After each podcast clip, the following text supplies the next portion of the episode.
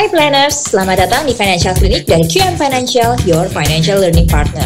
Di sini, kamu bisa belajar bareng tentang segala hal finansial dalam hidup kamu secara praktis, karena finance should be practical. Halo, Finers. Jumpa lagi di Financial Clinic Podcast. Episode kali ini seru banget karena kita mau ngomongin sesuatu yang beda. Kita mau ngomongin tentang hidup minimalis dan gimana caranya supaya hidup yang minimalis ini bikin keuangan kita jadi maksimalis. Nah, kali ini bersama saya Francisca Emi, Financial Planner dari QM Financial dan saya nggak sendirian. Saya ditemani sama Mbak Cynthia S. Lestari dari Live with Less. Ini adalah Indonesian Minimalist Community. Halo Mbak Cynthia. Hai Mbak Emi, selamat siang. Selamat siang ya. Apa kabar Mbak? Alhamdulillah baik. Semoga uh, Mbak Emi juga baik, pendengarnya juga baik. Apa aku manggilnya? Planners. Oke, okay. semoga yeah. planners juga baik kabarnya ya. Oke, amin ya. Kita berharap semuanya sehat, sehat fisik, sehat mental, dan sehat finansial. Hmm. Oke, uh, kita kenalan dulu dong Mbak Cynthia. Boleh ceritain apa sih itu uh, Life with Less Indonesian Minimalist Community ini, kapan berdirinya, dan aktivitasnya apa aja? Oke, okay, halo uh, Mbak Emi dan planner semuanya. Uh, nama aku Cynthia dan Life with Less ini adalah uh, komunitas juga media untuk pegiat gaya hidup minimalis di Indonesia. Sebenarnya lucu sih. Jadi awalnya tuh aku tidak meng apa ya aku tidak menunjukkan live Fitness itu jadi sebesar ini sebenarnya tadinya live Fitness ini adalah sebuah digital jurnal aku ketika aku lagi mengalami quarter life crisis gitu.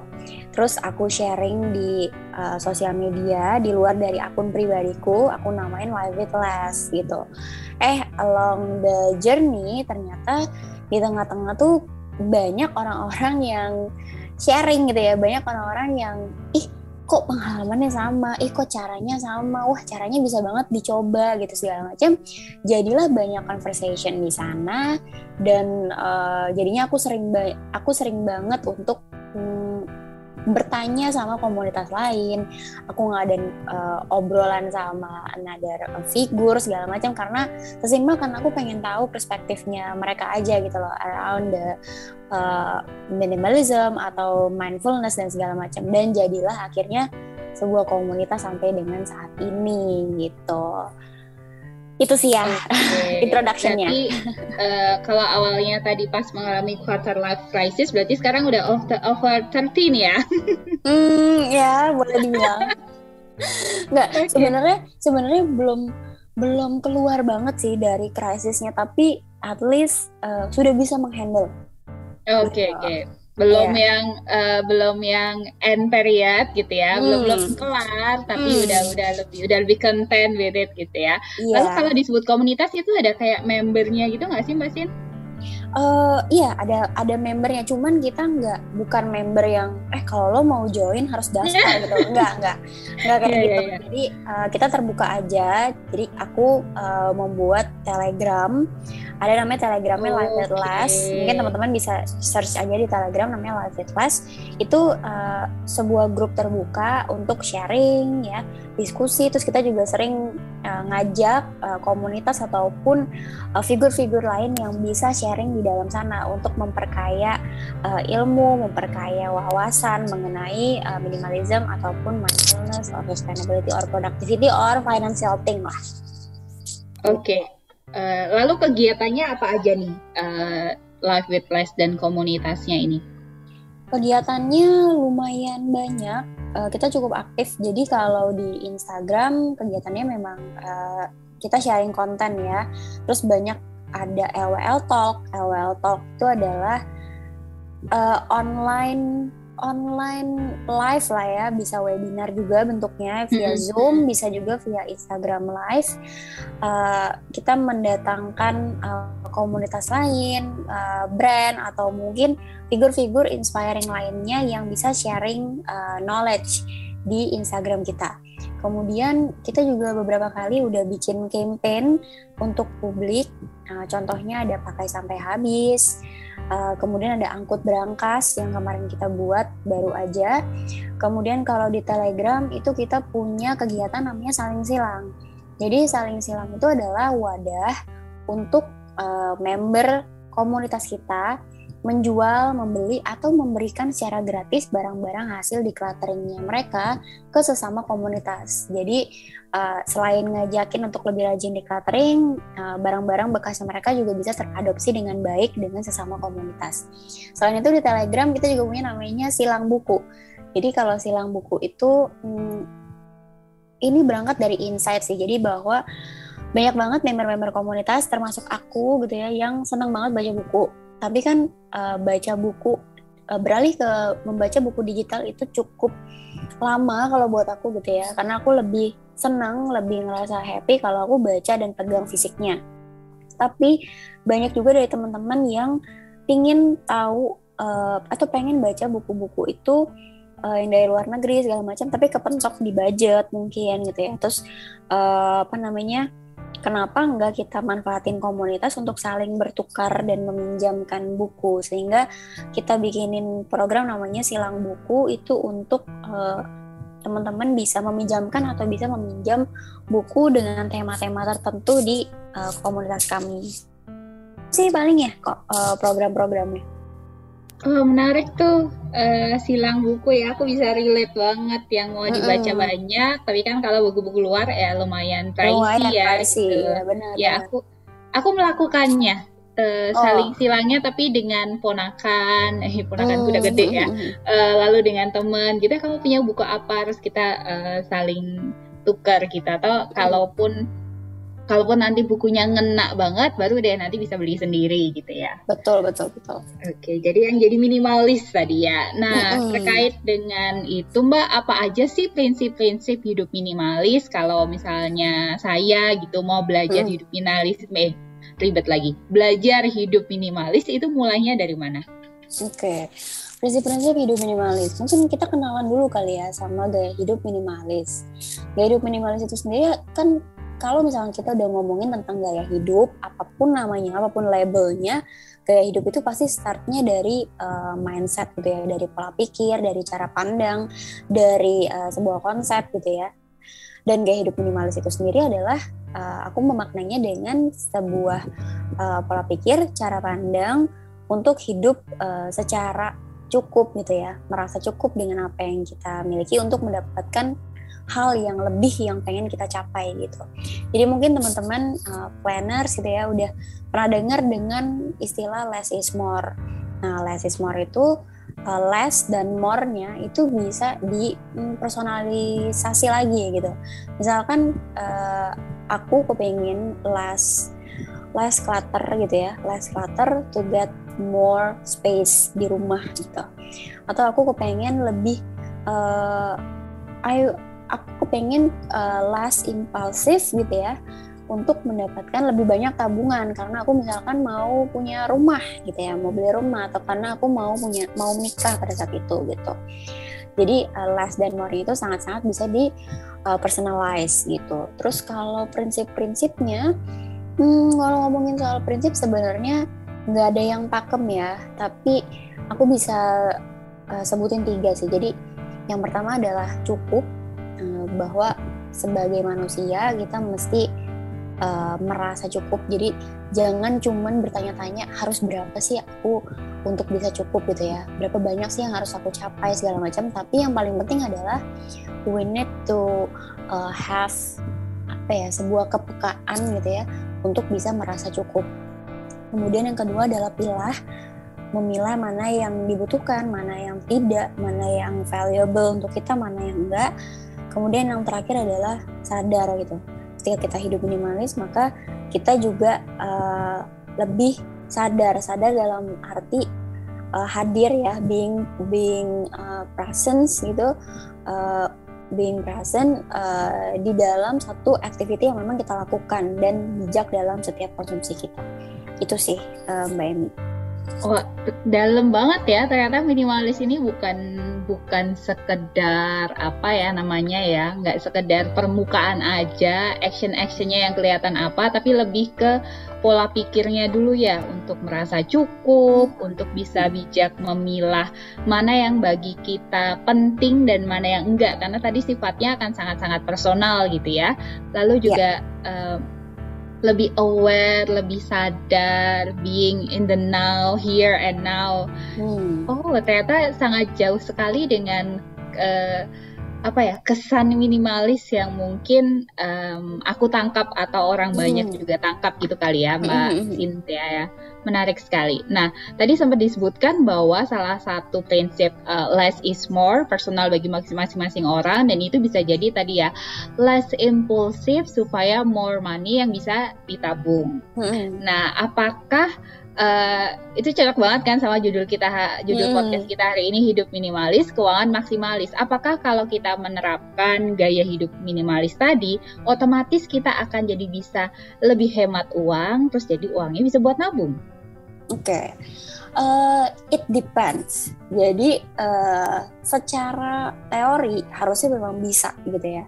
Tapi uh, ada beberapa apa ya ada beberapa uh, aku nyebutnya mungkin bukan konsep ya. Ada beberapa value kali ya dari minimalism yang juga perlu teman-teman tahu gitu. Kayak misalkan ketika kita belajar jadi minimalis kita pasti akan uh, memilih dan memilah konsumsi kita gitu kan.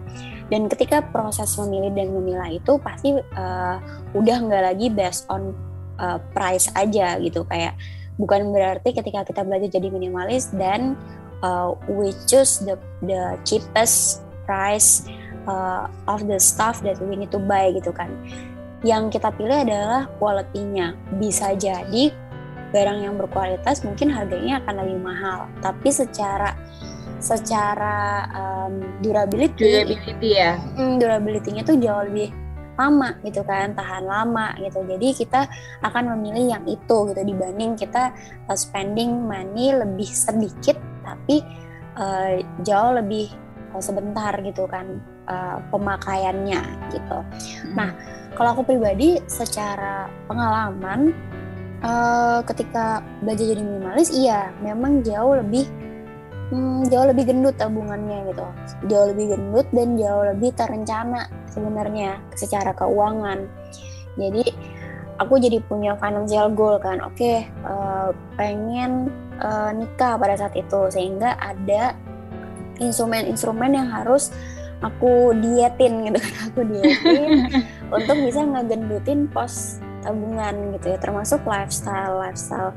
Kan kita ketika kita uh, apalagi udah kerja gitu ya udah ngerasa financial independent uh, rasanya tuh lebih lebih besar berpotensi untuk kena lifestyle trap gitu kan kalau hmm. misalkan gajinya udah naik naik jabatan lifestyle kayaknya harus naik. iya lifestyle harus naik atau harus upgrade lah minimum gitu kan upgrade upgrade uh, handphone upgrade laptop upgrade segala macam gitu upgrade kosan mungkin kalau ada yang ngekos itu aku sempat mikir kayak gitu gitu dan ada yang peer pressure itu, juga ya mm, peer pressure juga jadi emang hal-hal itu yang di reduce untuk mendapatkan uh, untuk mencapai tujuan yang memang kita mau ya untuk dapetin si more tadi gitu jadi uh, oh ya satu lagi mungkin aku bisa share banyak juga orang-orang yang masih kejebak sih sama um, minimalism fake gitu ya aku nyebutnya minimalism fake oke okay, ya karena itu? lumayan banyak banget beberapa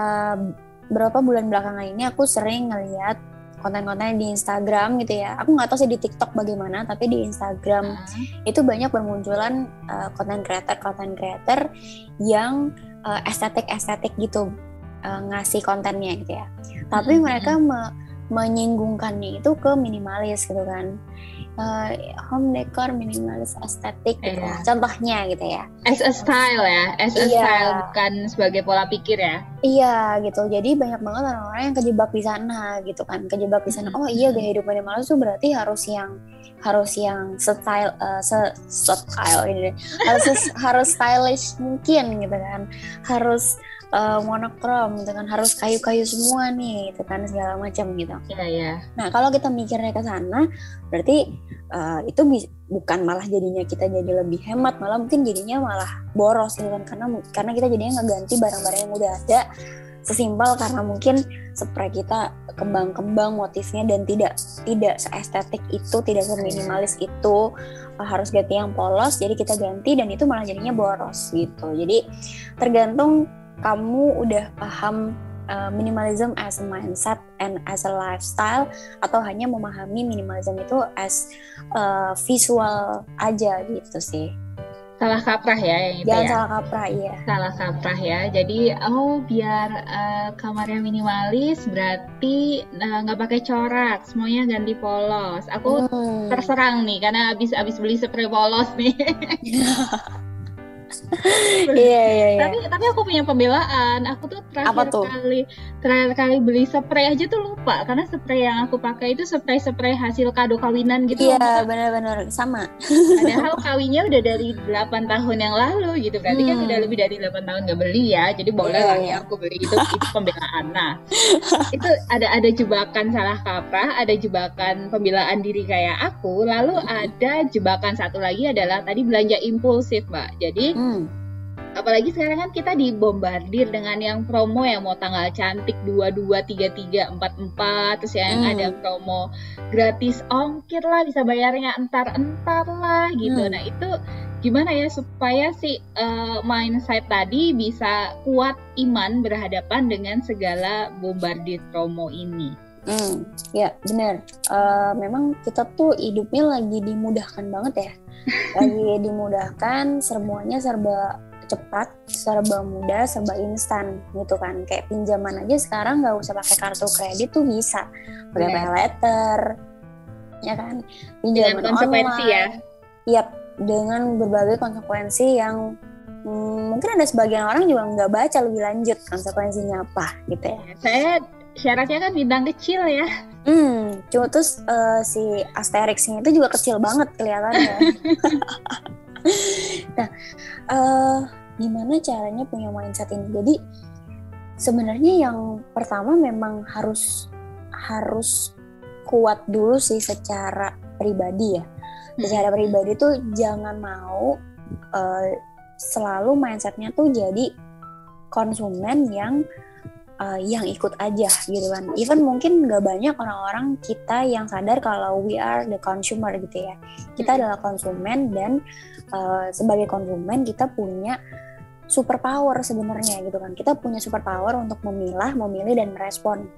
Memilih, memilih mau dikemanain nih uh, resource yang kita punya. Resource kan uang, tenaga, terus juga uh, waktu mau di mau dipilih di diakses ke mana nih gitu kan. Terus memilah memilah memilah barang-barang atau brand-brand mana yang mau kita pilih. Jangan jangan asal ada uh, brand anu launching ikutan gitu ya.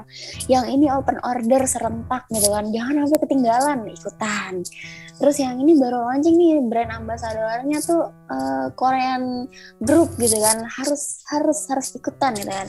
Jadi jangan mau uh, jadi konsumen yang ikut-ikut aja gitu jadilah konsumen yang powerful. Karena memang yes we are powerful sebagai konsumen gitu.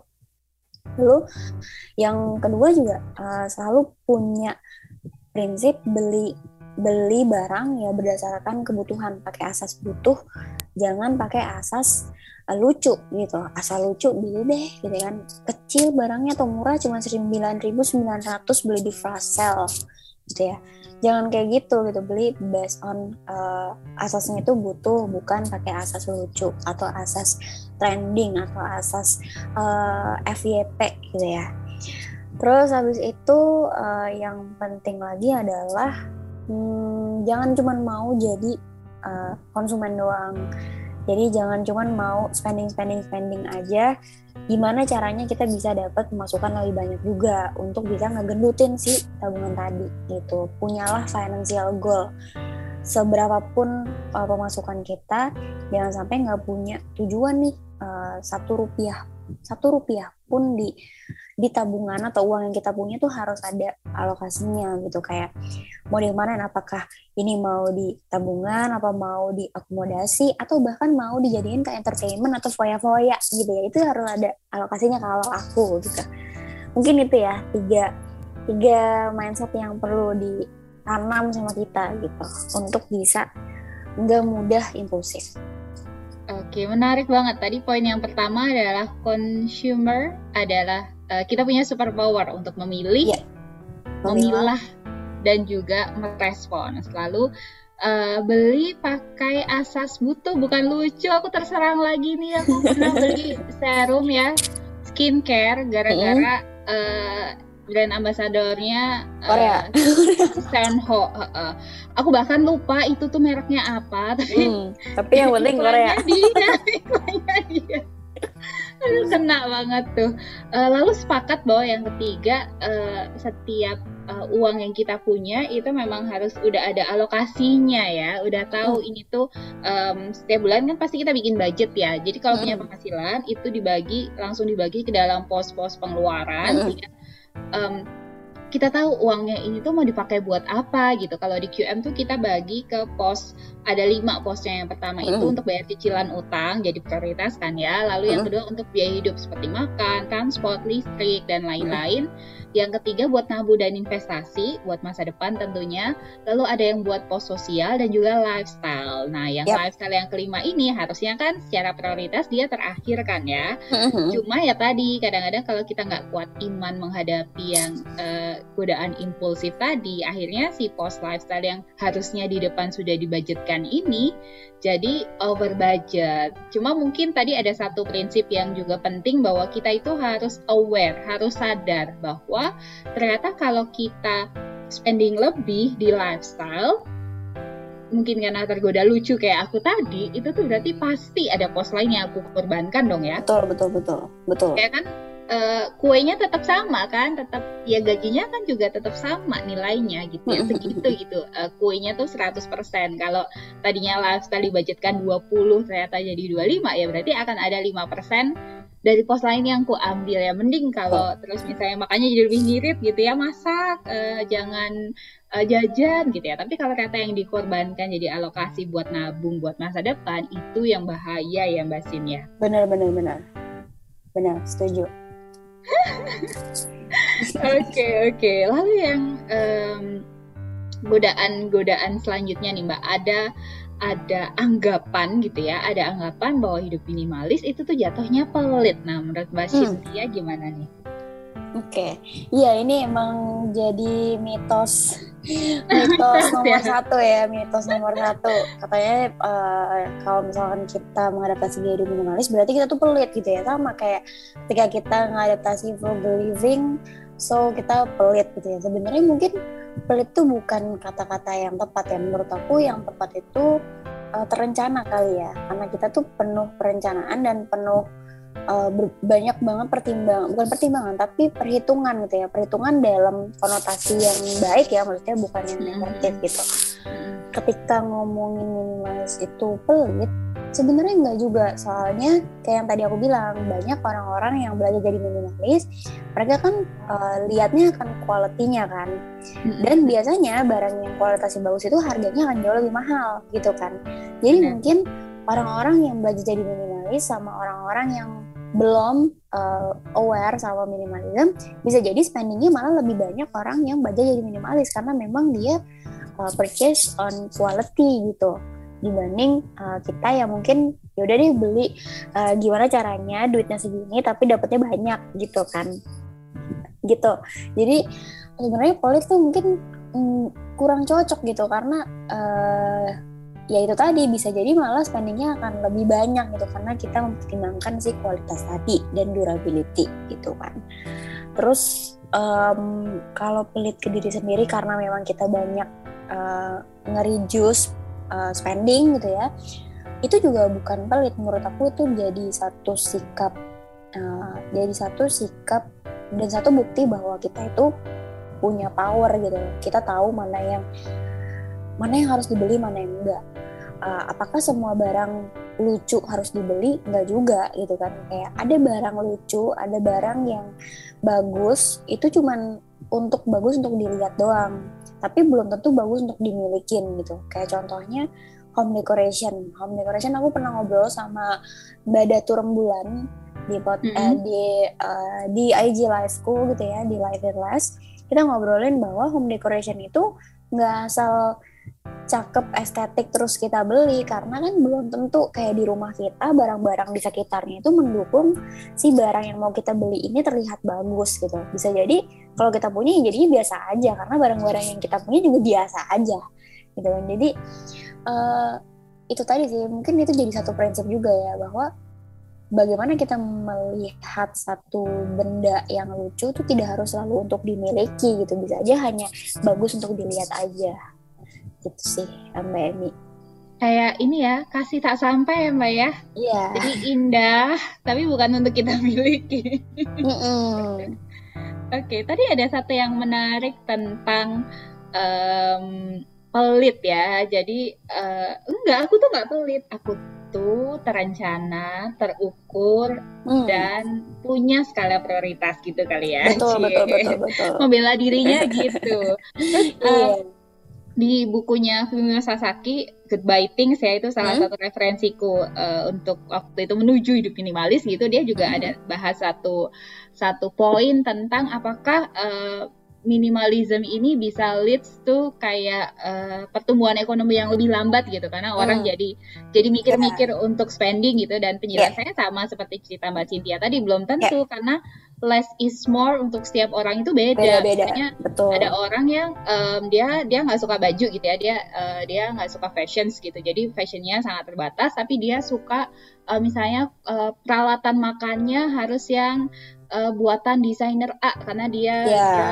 um, apa menghargai desain ini dengan tinggi gitu kan ya. Jadi itu kan uh, mahal ya di desainer. Mm. Uh, bikinan desainer jadi memang mm. um, belum tentu ini tuh leads to um, economic growth yang lebih lebih stagnan gitu yeah, ya iya yeah, benar-benar oke okay, um, terus yang juga menarik nih mbak kalau uh, tadi sudah berpraktik, sudah belajar berpraktik gaya hidup minimalis gitu ya. Ini kan sebuah perjalanan yang panjang ya, Mbak, nggak sekali hmm. kelar.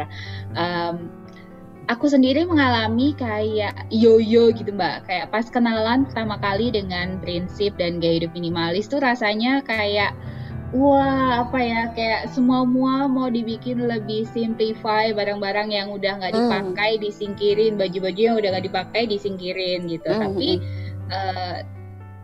Dengan berjalannya waktu kalau tak uh, evaluasi lagi itu tuh kenapa ya kok jadi aku merasa sekarang di titik yang akumulasi lagi, akumulasi lagi gitu. Padahal kan hmm. si, si siapa namanya si uh, Spark Joy itu Marie Kondo kan bilang bahwa uh, goalsnya itu tuh uh, adalah uh, di cluttering itu goalsnya supaya kita nggak lagi punya clutter gitu. Jadi mm-hmm. udah nggak relevan untuk uh, selalu di clutter itu nggak relevan. Seharusnya itu kamu declutter sekali gede, abis itu uh, nggak ada clutter lagi. Itu uh, mm. gimana sih mbak untuk mengatasi yang uh, mereka yang yoyo kayak aku kayak belajar dan praktiknya itu tuh kayak belum tuntas gitu loh. Oke. Okay. Uh, untuk mengatasi kayak gitu itu sebenarnya kasusnya banyak sih uh, Mbak Emi. banyak temennya ya. Banyak banyak temennya. Jadi memang setelah decluttering terus uh, kita mengakumulasi lagi barang-barang uh, karena merasa oh udah kosong nih gitu. Jadi gini, ya uh, ini aku mengutip dari Mas Aji ya, Mas Aji Santoso Putro. Aji Silarus uh, ya? Enggak, Aji Santoso Putro Mas Aji Santoso Putro ini seorang mindfulness coach ya mm-hmm. uh, mindfulness practitioner juga. Waktu itu kita pernah bikin zoom bareng. Uh, beliau bilang bahwa kita itu sebagai manusia memang punya tendensi untuk mengisi kekosongan. Jadi ketika ada sesuatu yang kosong kita tuh rasanya tuh pengen ngisi lagi gitu pengen ngisi yeah, lah. yeah. kayak lihat aja kalau ada laci yang kosong tuh bawaannya pengen diisi gitu kan kalau ada yang tembok yang kosong tuh kayaknya kurang gitu. Kayak harus ada lukisannya. Lukisan. Ya kan? Kayak ada lukisannya. Terus tabletop di kitchen set tuh kayaknya nggak bagus kalau di kalau cuman polos gitu doang yeah, harus yeah. ada vas bunganya terus uh, apa namanya sisi ruangan kita di pojok-pojok tuh masa di pojok nggak ada apa-apa gitu tambahin deh indoor plants gitu ya jadi kita tuh gatel memang ya, gatel, gatel gitu. Ya. Emang gatel mau uh, mengisi kekosongan. Gak cuman fisikal ya, tapi kayak di dalam diri juga gitu. Ketika kita lagi sendiri gitu. Aduh aku tuh susah banget deh. Aku tuh bukan tipe yang nggak bisa sendirian gitu kan. Kayak harus diisi lagi dengan cinta yang baru gitu. Karena kita memang memang punya tendensi untuk mengisi kekosongan gitu. Nah yang perlu di yang perlu kita miliki adalah kita memvalidasi bahwa iya kita uh, udah mengeliminasi barang-barang yang kita punya dan kita sebenarnya tidak membutuhkan lagi untuk mengisinya kembali gitu. Bahwa tidak apa-apa kalau misalkan kita berdamai dengan kekosongan yang sudah ada gitu. Katanya Mas Aji itu kan. Tapi memang benar kalau direlasikan dengan minimalism uh, ketika kita udah di cluttering gitu ya udah mengeliminasi barang-barang seharusnya uh, jangan berfokus hanya kepada iya nih enak nih kita kita keluarin nih barang-barangnya yang yang ini udah nggak dipakai yang ini udah nggak dipakai. Tapi fokusnya ke kenapa sebenarnya nggak udah nggak pakai barang itu lagi ketika kita bisa jawab uh, setiap barang gitu ya iya gue nggak gue mengeliminasi barang ini karena gue nggak cocok sama barangnya gitu jadi kita tahu kita mengevaluasi setiap barang-barang yang keluar dari hidup kita gitu. Sehingga ketika kita mau konsumsi lagi itu kita tahu, oh gue nggak cocok sama ini, gue punya kriteria yang cocok sama gue yang ini gitu. Sehingga ya nggak perlu mengisi dengan hal-hal yang sudah kita eliminasi lagi gitu. Terus yang kedua bikin rules sih misalkan uh, udah berkeluarga gitu ya ya udah hmm. komunikasiin ke keluarga setiap ada uh, barang yang mau masuk ke rumah itu bisa disetujui sama pasangan misalkan gitu ya aku mau beli ini menurut kamu gimana gitu ya oh enggak ini kayaknya kamu nggak cocok deh yang kemarin aja udah dibuang masa uh, mau beli yang kayak gini lagi gitu tipe gitu segala macam jadi kita punya perspektif lain di luar dari uh, emosi atau nafsu kita aja yang mau beli barang tersebut gitu Kemudian yang ketiga jangan terlalu banyak punya organizer karena organizer itu uh, yaitu karena kita punya tendensi untuk mengisi sesuatu yang iya, kosong. Yeah, yeah. Ketika punya organizer yang banyak atau laci yang banyak, ya kita akan punya tendensi atau berpotensi lebih besar untuk mengisi si laci-laci itu dengan barang-barang yang mungkin sebenarnya kita nggak butuh. Bener itu ya. Mbak Emi. aku aku inget ini Fumio Sasaki bilang uh, kayak apa ya delete atau hilangkan nestnya dulu kalau kita mau um, apa namanya mengusir mengusir hewan-hewan kecil gitu misalnya kayak rumah semut gitu ya semutnya itu tinggalnya di mana jangan semutnya dihilangin satu-satu udah rumah semutnya aja yang dihilangin kan. Pasti nanti oh. semutnya juga ikut hilang gitu ya. Cuma kan mm. tendensi tadi ya untuk untuk ih lucu adanya. Ikan bagus nanti muat banyak. Emang mau di siapaan gitu ya? Mm. yang sekarang kan lagi tren ya yang, gitu yang ya. apa namanya organizer transparan transparan gitu kan ya. Nah, aku diserang lagi. Aku diserang lagi diskon ini organizernya diskon gitu.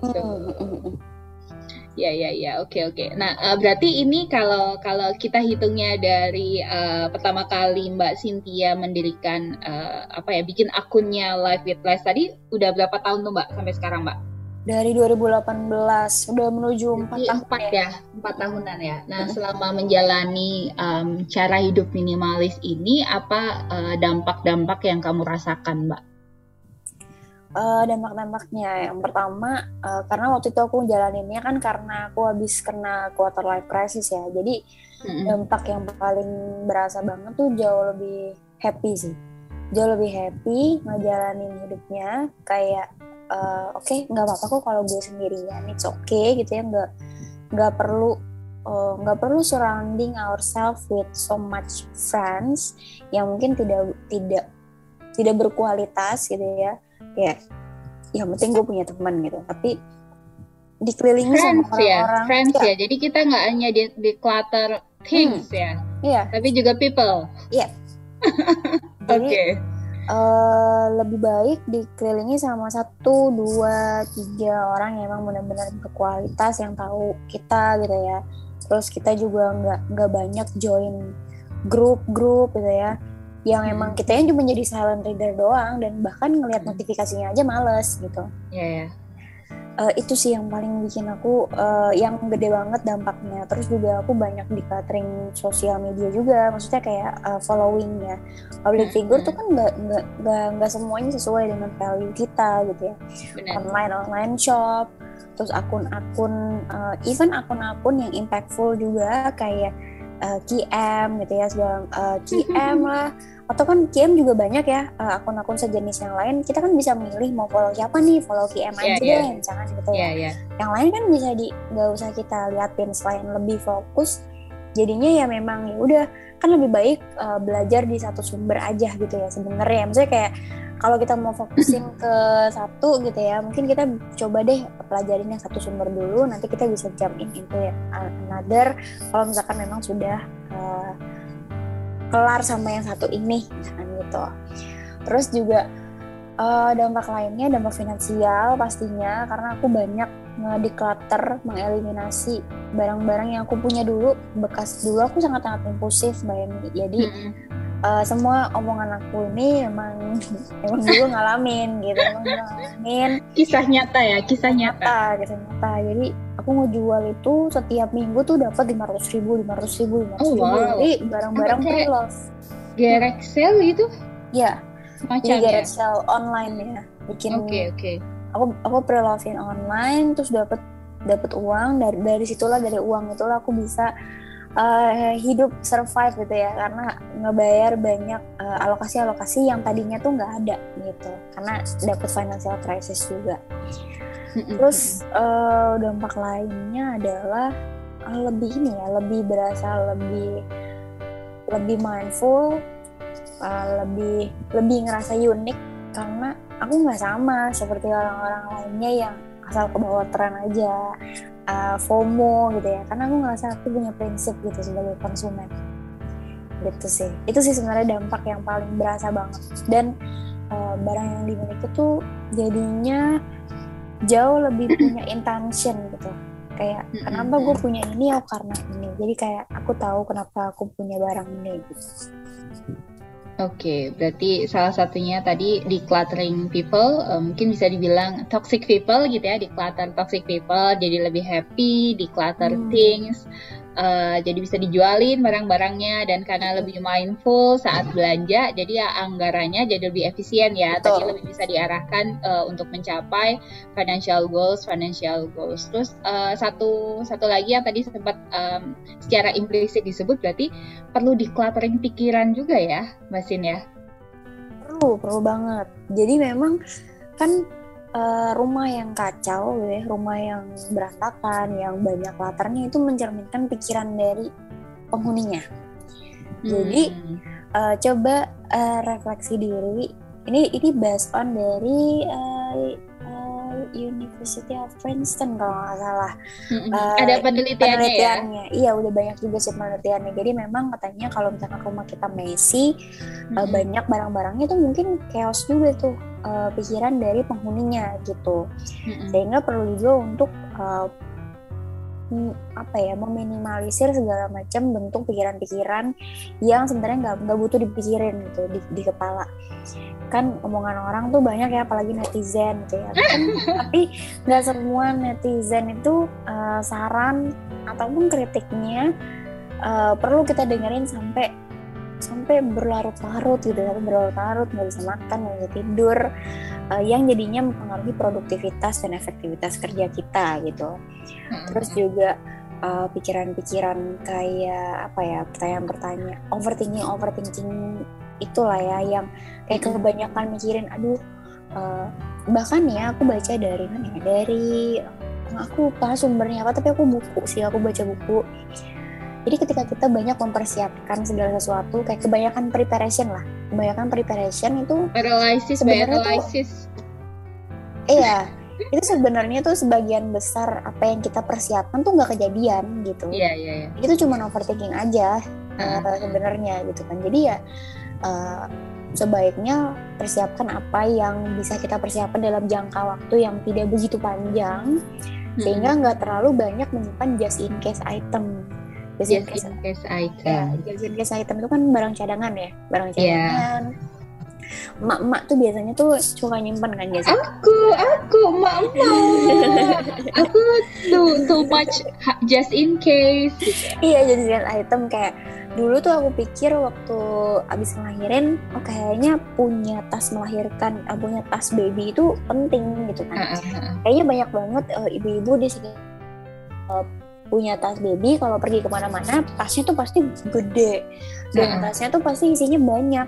Tapi ternyata ketika aku ngejalanin nggak kepake. Maksudnya kayak aku bisa pakai tas yang aku punya dan uh, aku tahu oh perginya itu tidak akan lama hanya misalkan hanya dua atau tiga jam apalagi lagi zaman pandemi gini jadi aku nggak perlu hmm.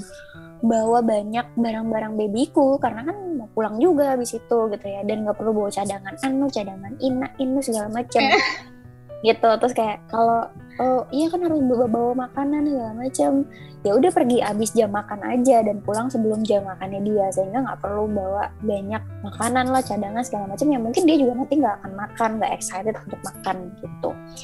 Gitu sih yang aku pelajari ya uh, Mbak Emi. Punya iya. tamparnya ya. Iya banyak banyak banyak. Aku merasa dalam perang ini ya diserang terus dari tadi ya Oke oke menarik sekali Mbak. Uh, jadi berarti memang um, kalau bisa kita recap ya dari awal pembicaraan tadi uh, bahwa minimalism itu adalah sebuah mindset dulu. Mulainya dari mindset dulu. Ada beberapa hmm. prinsip. Yang pertama itu tadi merasa cukup. Karena kalau kita merasa kurang kan maunya more and more and more and more akan selalu consume consume uh, tanpa ini ya konsumnya jadi nggak mindful gitu kan. Karena yang pertama yeah. dia nggak terpenuhi dulu merasa cukupnya nggak terpenuhi dulu. Lalu yang kedua bahwa uh, kita ini consumer yang punya super power kok kita bisa memilih dan memilah mana sih um, barang-barang yang cocok dengan kebutuhan kita. Dan kita uh, mulainya adalah dengan prioritas kita apa dulu nih? Apa yang membuat kita berharga, apa yang menurut kita valuable dulu, itu dulu. Jadi mulainya selalu dari dalam dulu ya.